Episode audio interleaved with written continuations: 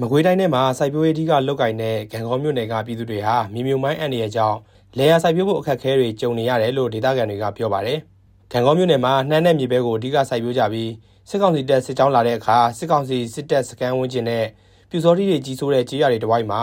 မြေမြုံမိုင်းတွေထောင်ထားတဲ့အတွက်ပြည်သူတွေစိုက်ပျိုးရေးလုပ်ကြဖို့ခက်ခဲနေတာဖြစ်ပါတယ်။အာဟိုနှစ်နှစ်သုံးနှစ်ရှိသွားလဲဟောတာမြေလည်းမစိုက်အောင်နှမ်းလည်းမစိုက်အောင်ပါဘူးရှင် အဲ့ဒါမြင်းညုံမိုင်းကမှာတော့ဒီကလည်းမရှင်းကြသေးဆိုတော့ကကျမကမတိုင်ရတာပါချင်းအဲ့ရသခင်နာလည်းတဲမမူးသခင်ညနေရှိနေသူတို့အဲ့ဒီနေရာကိုလည်းအတိုင်ထားတော့ကတနာမလာရတာပဲဆိုတိုင်ရတာပဲဆိုဟာသခင်နာအနည်းဆုံးဒီတော့ကျမဝမ်းထဲမှာလည်းဝင်းထဲမှာလည်းထောင်းနေတော့နာမှာလည်းပြီးတော့မူးလေတော့နာတွေပုံတော့နာတွေထောင်းထားတော့ကကျမကမလုံရတာပဲချင်းစစ်ကောင်စီတပ်သားတွေနဲ့ပြူစောတိတွေဟာဂံကောမြို့နယ်တဲကိုစစ်ကြောင်းထိုးဝင်ရောက်လာတဲ့အခါ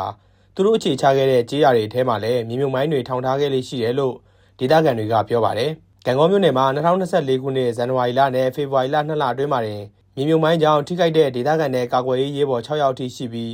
အမျိုးသမီးတယောက်ကတော့ခြေထောက်နှစ်ဖက်စလုံးပြတ်တောက်သွားတဲ့အတွက်ဆေးကုသဖို့အချိန်မမီတော့ဘဲတည်ဆုံခဲ့ရပါတယ်။တက်တာကပစ္စည်းဒီစစ်တပ်နဲ့ပေါင်းပြီးတော့လုပ်တာ။မင်းဒီလိုနေရာဒီမှာထောင်တာများလဲဆိုသူတို့အချင်းချင်းတွေရွာရီပေါ့နော်။သူတို့ချင်းချင်းတွေရွာရီဥပမာကတော့ငေါနေတော့ပြန်မှာခွင့်ရပါပေါ့နော်။နောက်ဒီလိုမျိုးနေဒီခွင့်ရပါပေါ့။ အဲ့ဒီခွင့်ရရဲ့ဒီဒီတိုးတွားလမ်းပေါ့နော်တိုးတက်တဲ့လမ်းကြီးပေါ့နော်ဥပမာဆိုပါလို့မျိုးခင်းနေတာကြီးဆိုရင်ဒီရွာကြီးအနောက်ဘက်ပေါ့နော်ရွာကြီးအနောက်ဘက်ဝန်းကျင်တွေမှာအာဒါတောက်လျှောက်ဟိုထောင်ထားတဲ့အနေအထားပေါ့နော်ကံကောင်းမြို့နယ်ပြည်သူ့အုပ်ချုပ်ရေးအဖွဲ့အနေနဲ့ဒေသကာကွယ်ရေးအဖွဲ့တွေနဲ့ပူးပေါင်းပြီးမိုင်းရှင်းလေးလုပ်ငန်းတွေအပြင်ဒေသခံတွေကိုမိုင်းနယ်ဆိုင်ရာပညာပေးအစီအစဉ်တွေလည်းကြေးရွာလိုက်လုပ်ကင်နေတယ်လို့သိရပါတယ်။မြေမြုံမိုင်းနင်းပြီးတဲ့အခါခြေထောက်ကိုအဓိကထိခိုက်နိုင်ပြီး တချို့မိုင်းတွေကတော့မျက်စိကိုပါထိခိုက်နိုင်တယ်လို့ပောက်ကွဲအားပြင်းတဲ့မိုင်းတွေဆိုရင်အသက်သေဆုံးတဲ့အထိဖြစ်နိုင်တယ်လို့ကာကွယ်ရေးတပ်ဖွဲ့ဝင်တွေကပြောပါတယ်စစ်ကောင်စီတပ်သားနဲ့ပြူစောတွေဟာစွန့်လွတ်မိုင်း၊နင်းမိုင်း၊ရှေ့ထွက်မိုင်းနဲ့ချီတက်မိုင်းစတဲ့မိုင်းမျိုးစားများစွာကိုအသုံးပြုပြီးအဲ့ဒီမိုင်းတွေဟာစစ်ကောင်စီတပ်ရဲ့ကာကွယ်ရေးပစ္စည်းထုတ်လုပ်တဲ့စက်ရုံကာပါစာတွေကထုတ်လုပ်တဲ့မိုင်းတွေဖြစ်တယ်လို့မိုင်းရှင်းလေးပြုလုပ်တဲ့ရော်ဒီတာပြည်သူ့ကာကွယ်ရေးတပ် YDF ရဲဘော်တွေကပြောပါတယ်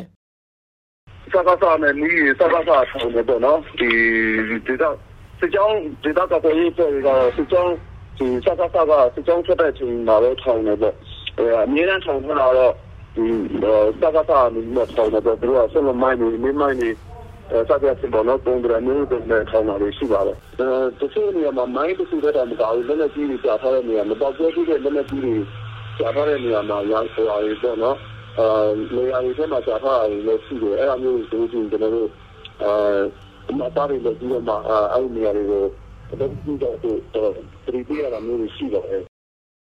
မြန်မာနိုင်ငံမှာမြေမြုံမိုင်းအန်ရဲ့အကြောင်း2021ခုနှစ်ကနေ2022ခုနှစ်အတွင်းတည်ဆုံးသူ900ဝန်းကျင်ထိရှိလာပြီးဒီအခြေအနေဟာစစ်တပ်အာဏာမသိမ်းခင်ကကြာဆင်းသွားတဲ့တည်ဆုံးမှုထက်အဆပေါင်းများစွာမြင့်တက်လာခဲ့တယ်လို့မြေမြုံမိုင်းစောင့်ကြည့်လေ့လာရေးအဖွဲ့ရဲ့2023ခုနှစ်ဒီဇင်ဘာလအစီရင်ခံစာမှာဖော်ပြထားပါတယ်။မြန်မာနိုင်ငံဟာမြေမြုံမိုင်းစန့်ကျင်ရေးသဘောတူစာချုပ်မှာလက်မှတ်ရေးထိုးထားတာမရှိဘဲ လက်လုံမိုင်းတွေနဲ့ကပ္ပစာထုတ်မြေမြုံမိုင်းတွေကိုတင်းတင်းကြပ်ကြပ်အသုံးပြုနေဆဲဖြစ်ပါတယ်။မြန်မာနိုင်ငံမှာဖြစ်ပွားနေတဲ့စစ်ပွဲတွေအတွင်းပါဝင်နေတဲ့အဖွဲ့အစည်းတွေအနေနဲ့မြေမြုံမိုင်းအသုံးပြုတာကိုရပ်တန့်ပေးဖို့နဲ့ကြံနေတဲ့မြေမြုံမိုင်းတွေနဲ့မပေါက်ကွဲသေးတဲ့စစ်လက်နက်ပစ္စည်းတွေကိုရှင်းလင်းပေးကြဖို့ယူနီဆက်ကတောင်းဆိုထားပါတယ်။ကျွန်တော်လိမ့်ပါ။